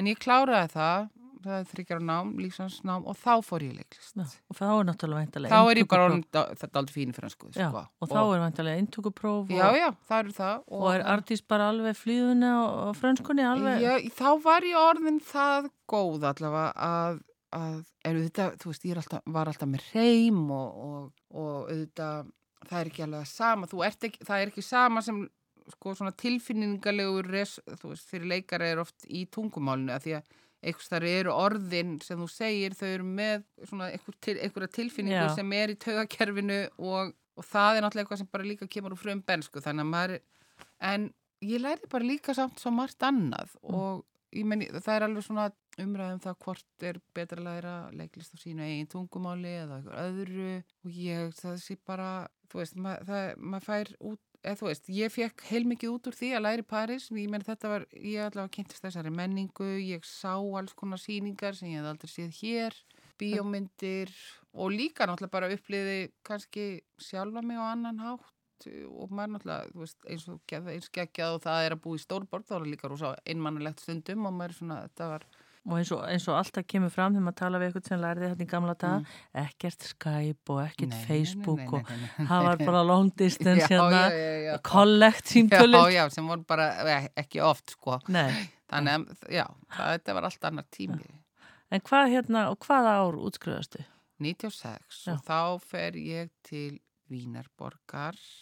Að gera hvað? Ég var sko í sambandi við, já, í svona mín fyrra lífi og, og ég sérst, fer, já, einhvern veginn bara fer með honum og lék með leikóp, það er eitt vetur og sem var svona jaðar leikópur. Í Vínarborg? Í Vínarborg. Já, já, Og það er nú önnu stórborg. það er önnur stórborg út í Vín. Ég kom að, ég, sko, ég bjóð þar eitt vetur og ég, eh, ég kom þákað í haust með mannin mínum og hún er svo falleg, ég var Oh, búin að gleyma því sko, já. hvað hún er rosalega falleg ég veginn minningun og já, ég er 25 ár síðan eða eitthvað Já, og, og rataður um allt hana.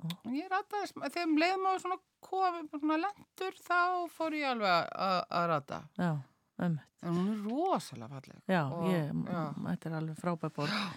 Svo bara var, þú veist, já, ski, þú veist, var það bara búið og, og, og ég flytt til Íst, á, í staðan fyrir að flytja, ég hafði nú skilja eitthvað dótina mín eftir í París og fyrir aðeins þangað en svo bara flytt ég heim og, Og þú- svona, var, það var svona svolítið óvart þannig að þetta var bara svona, að eins og bara lífið er, þú veist, við vorum þarna, 97. já, ég held það. Já, ég, eða svona sirka, já, segjum svona sirka. bát, já. En hvað er þá að Nei, já, gerast á Íslandi? eða, nei, allir sé ekki aðeins segna, 98. Já, þá kem ég heim og það fyrsta sem ég geri er að ég set upp einleik í Hafnafræðleikusinu með Benna Erlings og Jón Gnar. Nó, þú kemur Já. bara inn eins og bara stónsettin. Já, já, já, já.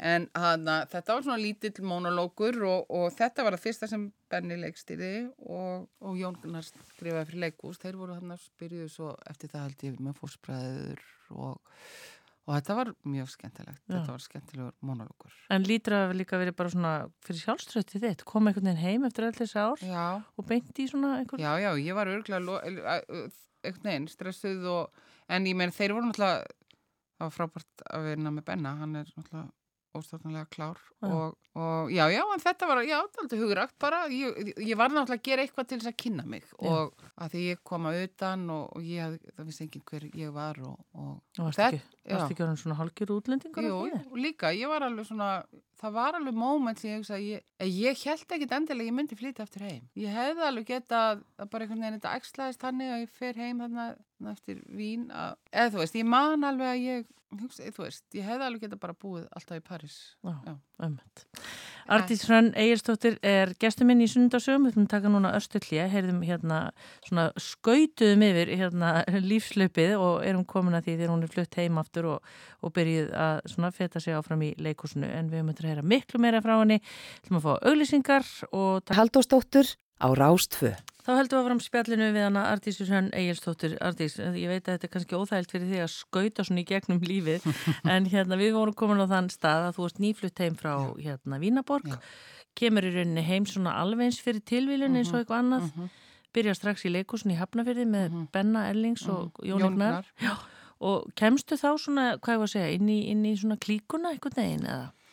Sko, ég átti alveg daldi að vinum sem voru svona í leiklista bransanum en ég, sko, ég þekkti ekkert mikið til að fólki sem hafði eitthvað völd í leikhúsi.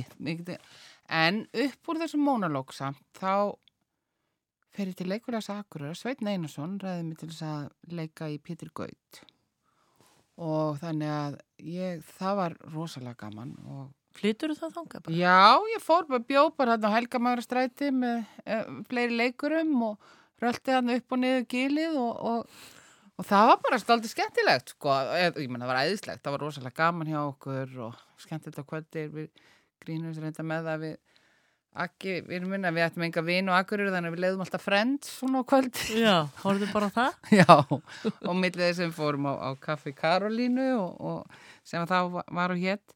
Nei, þetta var mjög gaman og mjög gaman að vinna með Sveinu og mikið af frábæru fólki.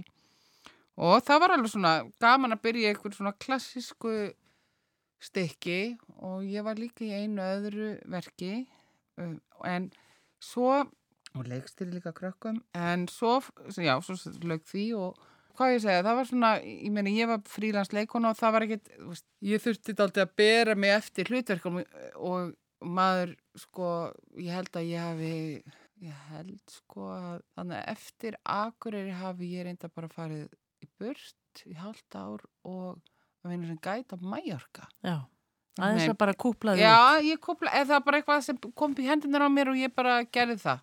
Og Af því mér dettur í hug sko hvernig þessi bransi er og hvernig þetta er ef maður einhvern veginn situr og starrar á síman eða þú veist, Já, bara svo segir okkur já. svona hvernig er að fara í gegnum þetta allt Já, einhvern veginn. einmitt, einmitt. Sko, ég var ekkit rosalega góð í þessu. Ég, eða sko, ekkit rosalega góð í svona að koma mér á framfæri. Þú veist, það var, ég svona fór, já, svona, eitthvað svona rólega leið, það hefur svolítið, og daldi gerði bara sjálf, komst, sko, var svona svolítið á jæðrinum til að byrja með. Og ég var líka að vinna hér upp í útvarpi á ráseitt, ég var að búa til þætti. já, varst ekki hér bara í fjölmörg ár? Jú, jú, var alltaf hérna on and off aldrei með sko leiklistinni bæði að var í Víðsjá og var að búið til þætti um alls konar konur sem ég fundist áhugaverðar og svona íms konar menningar þætti það sem ég vann líka daldið upp úr kannski minn, mínu svona, já því sem ég lærði í París og svo tók ég þátt í síningu sem breytti daldlu svona, það var, við settum við verk sem heit Beiglu með öllu Man, sem var, já, hún var svona dald mikið success, ég held ég hef aldrei haft há laun, ég held ég var með sko laun svo tógarasjómaður Já. því að það var það, það, það, hún gekk alveg brjálaðislega, hún var alveg svona success, Já. sko, þetta var svona sketsasýning og fyndið svona kvennagrín sem var hafði ekkert kannski, var aldrei ferst á þeim tíma. Já, þetta var svona, svona önnur bylgja. Já, og það var rosa gaman. Og svo upp úr því fórum við Elmali sem vinkona.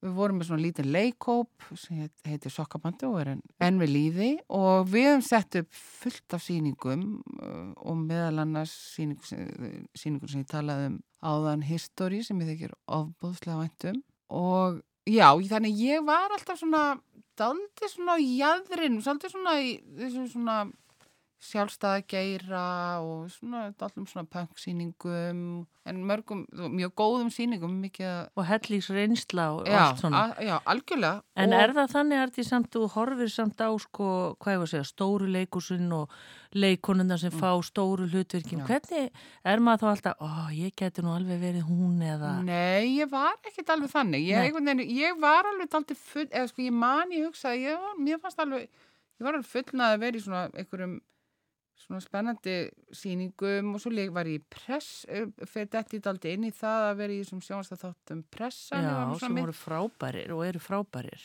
og þar fekk ég daldið svona alveg kekk og ég var alveg svona daldið sátt bara við það að vera svona leikona svolítið og svona gera ákveðan eða svona mjög sérhæðar hluti og vera að vinna hérna í útverfi svo var ég að gæta á sömur en þetta var svona bara allt múlík frílans en svo samt, já, ég veit ekki þú veist það samt auðvitað er, það eru þessi draumar og það kemur alveg að þeim til um því langar að takast á við ykkur svona djúsi personur og svona stóra rullur og þær koma einhvern veginn ekki til mín fyrir en ég bara komin um færtugt. Já. Þá hva, bara koma þær. og hvað heldur að það hef verið? Það bara... mörguleita held, ég veit það ekki, sko, mörguleita held ég, ég var svona aðeins að kúpla mig út einhvern veginn, ég egnaðist stelpuna mína, ég var færtug þegar ég egnaðist hana og, og ég svona leit blúmur sem móðir og hann, já, sem þróska, en, og sem er, já, held ég bara hafa verið mín gæfa og, og þá það bara einhvern veginn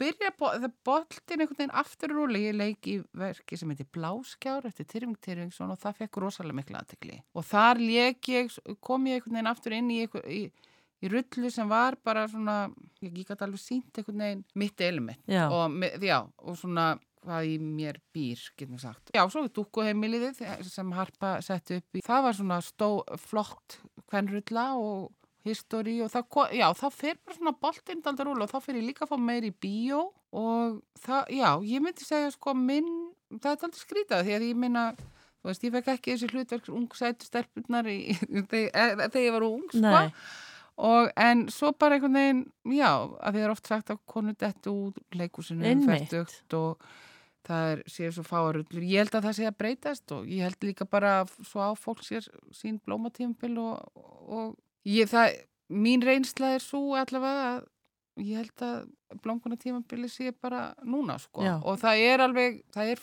við get, maður getur ekkert heldur sko, ég nenni ekki að, þú veist, að vera röflif því að það sé ekki nóga af hlutverkum fyrir konum, ver, við verðum náttúrulega að breyta þessu og það er bara mjög mikilvægt að við skrifum intersatt rullur og við tökum að okkur, þú veist, bara einhvern veginn hendum þessum brynjum og grímum og bara Já, hættum að vera eitthvað já, og reyðar já, og eitthvað. já. Og ég meina, gott að vera reyður en ég meina maður verður bara líka að breyta því og, og Þannig að þú bara svona uppliðir einhvern veginn aldrei að þú værir eitthvað ættir eftir að hérna, sína hvað í þið býr. Þetta bara kom einhvern veginn svona áreistur löst svolítið. Já, það kom daldið, hægt og bítandi, Já, daldið. og, líka, já, ég myndi segja það. Og, en auðvitað er þetta, auðvitað voru þessi draumar til staðar, sko. Veist, þetta var ekki alveg bara gerist einhvern veginn bara óvart, e, já, e, en þetta er svona, já, hann, ég myndi segja að minn ferill hefur verið daldið svona hægt og bítandi. Og, og nú er ég kannski að, já, Uppskera svolítið. Já.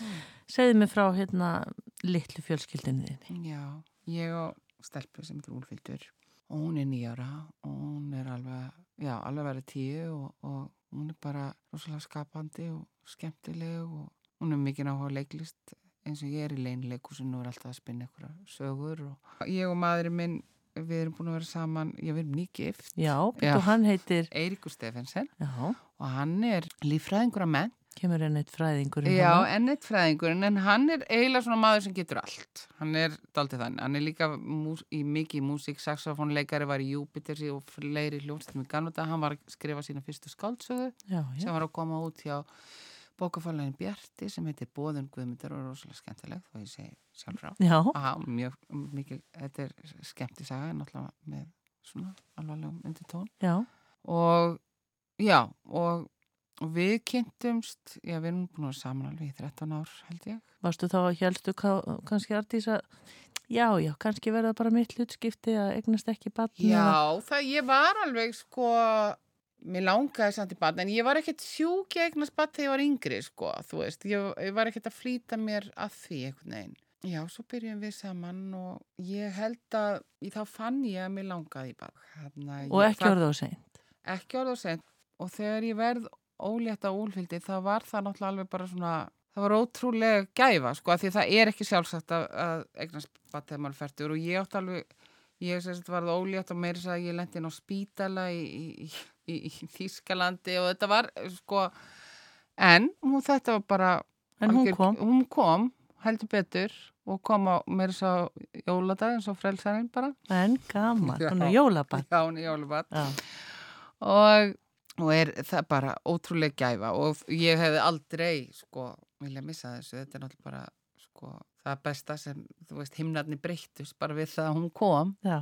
En, en hún kemur svolítið eiginlega Ardís á sama tíma og þú ert að fá all já, hlutverkin. er Þetta er í rauninni, já, þetta er svona blómgunar Já. en þú er alveg nógan tíma því ég veit nefnilega þegar hérna, fólk heyrir þetta viðtal, mm -hmm. þá eru þið komin til útlanda, já. í fyrlu skóla.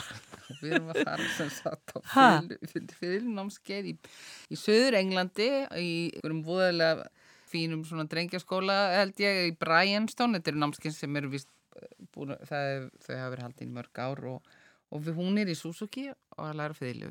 Og ég lærði fiðlu líka þegar ég var bara og hef svona lært á fiðlu upp og nýtt með henni svona, þú veist þegar ég fór á gælgjuna þá hætti ég bara og, og fór í svona einhvern pankara upp, upp, upp breyst einhvern veginn og, en ég, við hefum verið að gera þetta saman svo við hefum verið mjög gjöf, gaman og gjöfult. Og, og við ætlum núna að fara á þetta fyrir námskjá sem fleira fólki og erum bara að fara til London og tökum svo rútuna þarna niður, niðurstir Og þetta er akkurat líka Ardís á sama tíma og myndin var frumsýnd á, hérna bara núna í Mhm. vikunni mm -hmm. Og þú ert náttúrulega bara, allir vilja fá viðtal við, ég þurfti að slást hérna við fullt af fólki. Og svo ertu að fara á kvikmyndaháttir þegar þessi leikur, þannig að þetta er líka allt einhvern veginn að gerast á sama Þetta er alltaf að gerast núna, já, nú, við förum til Toronto núna bara um mánamótin, slaka mjög til og svo eru fleiri, nokkra fleiri kvikmyndaháttir í september og oktober og, og Spáni og í Belgíu og Þískalandi og, og svona bara við sverum, það er búið að selja þessa mynd um, um allan heim. All- alla Evrópu, það er nú ekki, ekki allan heim, það er nú al, það er fleiri heimsálfur eftir, sko, en hann, en út um alla Evrópu og þannig að ég, ég ætla, já, ég held ég verði aldrei í því í september, svo þarf ég nú að fara að reyna að fara að vinna eitthvað, ég get ekki bara, hann verið að drekka kampavín út um all, endalaust. og en þá ætla ég að fara í þjóðleikúsi ég er að fara í tvö verk þar í vetur. Já, spennandi. Arti, segðu okkur aðeins frá myndinni sem heitir Héraðið og er eftir Grím Hákonusson og bara svona, nú ætla verðum við að hafa hlustendur forvitna, en ég sagði við í símanum, ég talaði við þið var undirbúið viðtali, að sko þessar steklu sem ég sé í viðkjanna, ég er ekki búin sjá myndina, ég Nei. ætla að sjá hana gerir það. það er eins og það hafi bara aldrei gert neitt annað en að vera kúabóndi en þetta fjallar sem sagt um uh, sögu yngu sem er miðaldra kúabóndi sem að gerir uppreist gegn kaufilegin á staðnum Mhm.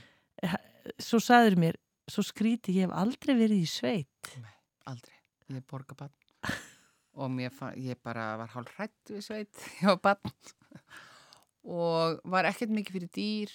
Núna, kettir fannst mér ok en svona, hrætt við hunda og, og náttúrulega fyrir utan beljur og, og kindur. En ég bara þegar Grímur böði mér þetta hlutverk þá náttúrulega bara trillt sig að gleða þetta var spennandi og þá hugsaði ég bara mér, ég ætla ekki að láta það vera þannig að sé ykkur bændur að pikka í hvað ég sé glötu á traktornum. Þannig ég ákvað bara að, að gangi verki og ég sko er heldur ekki með neitt verksvit. Ég er alveg svona, þú veist, þessi típa sem skilur bara síman eftir í skapnum og einhvern veginn allt og uh, opið og þetta er bara, já, ég er og get bara svona farið eitthvað róf þegar með ríksugun og gleymi, þú veist, ég er bara alveg glötu svona í, í svona ímsu praktísku.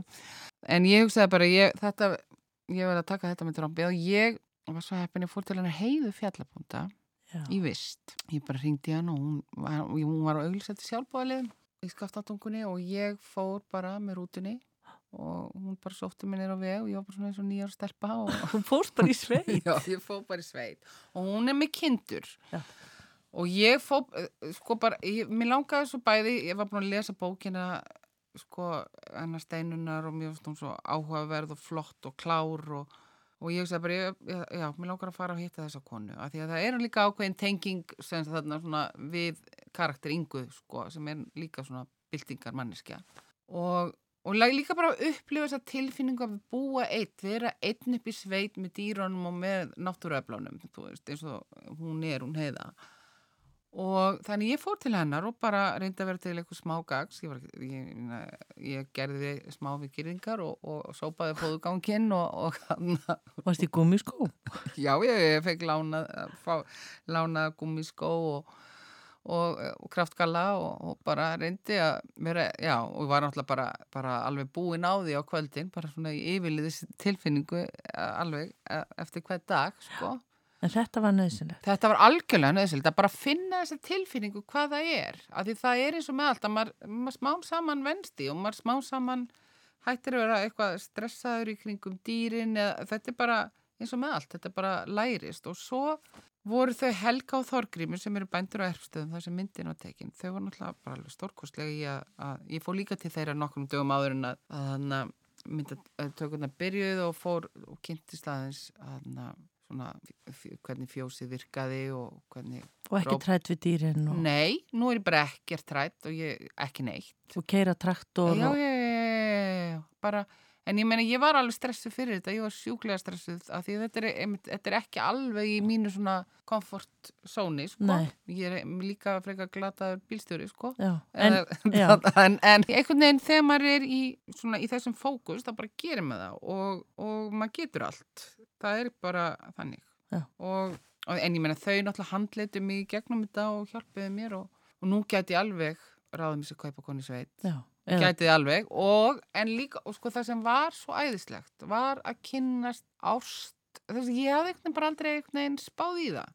Ást þeirra á skeppnunum ást þeirra á landinu hvað þetta er frábær fólk og hvað þetta er stert og hvað þetta er mikilvægt og, hvað, og, og sko já það er einhvern veginn og svo mikil, svo, svo klár og svo mikil viska í þeim og ég bara ó, þetta, já, ég verði aldrei ég myndi segja ég verði aldrei söm sko. nei, emmitt En Artís, en, en Inga, kúabúndi mm, Er hún einhver gömur frænka þín eða fannstu hann eitthvað Nei, hún er bara held ég svona Nei, ég hugsaði hann ekki þannig. Ofta er mitt nota maður, ég hef alveg nota frængur og, og, og nei, hún er bara daldið svona, þú veist, tilfinningalíf mitt er alveg það sama og yngu en maður bara í öðrum aðstæðum. Hún er daldið bara einhvern veginn, ég í þessum aðstæðum þannig að því oft nota maður, ég hef sko mjög oft notað einhverja fyrirmyndir og fengi inspirasjón af alls konar karakter, menn mér fannst þannig að var þetta bara daldið að taka náttúruna Já, það var einhvern veginn mikilvægast fyrir mig, að taka bara náttúruna og taka þessar aðstæður sem hún er í, veist, það er ákveðið sorgarferðli þarna, já, ég skoðaði mikið allt um sorgarferðli og sorgina og hvað hún getur leist úr læðingi og, og náttúruna og verkin. Og þannig nálgæðist ég yngu og, og svona Jú, ég skoði aðeins svona baráttu konur.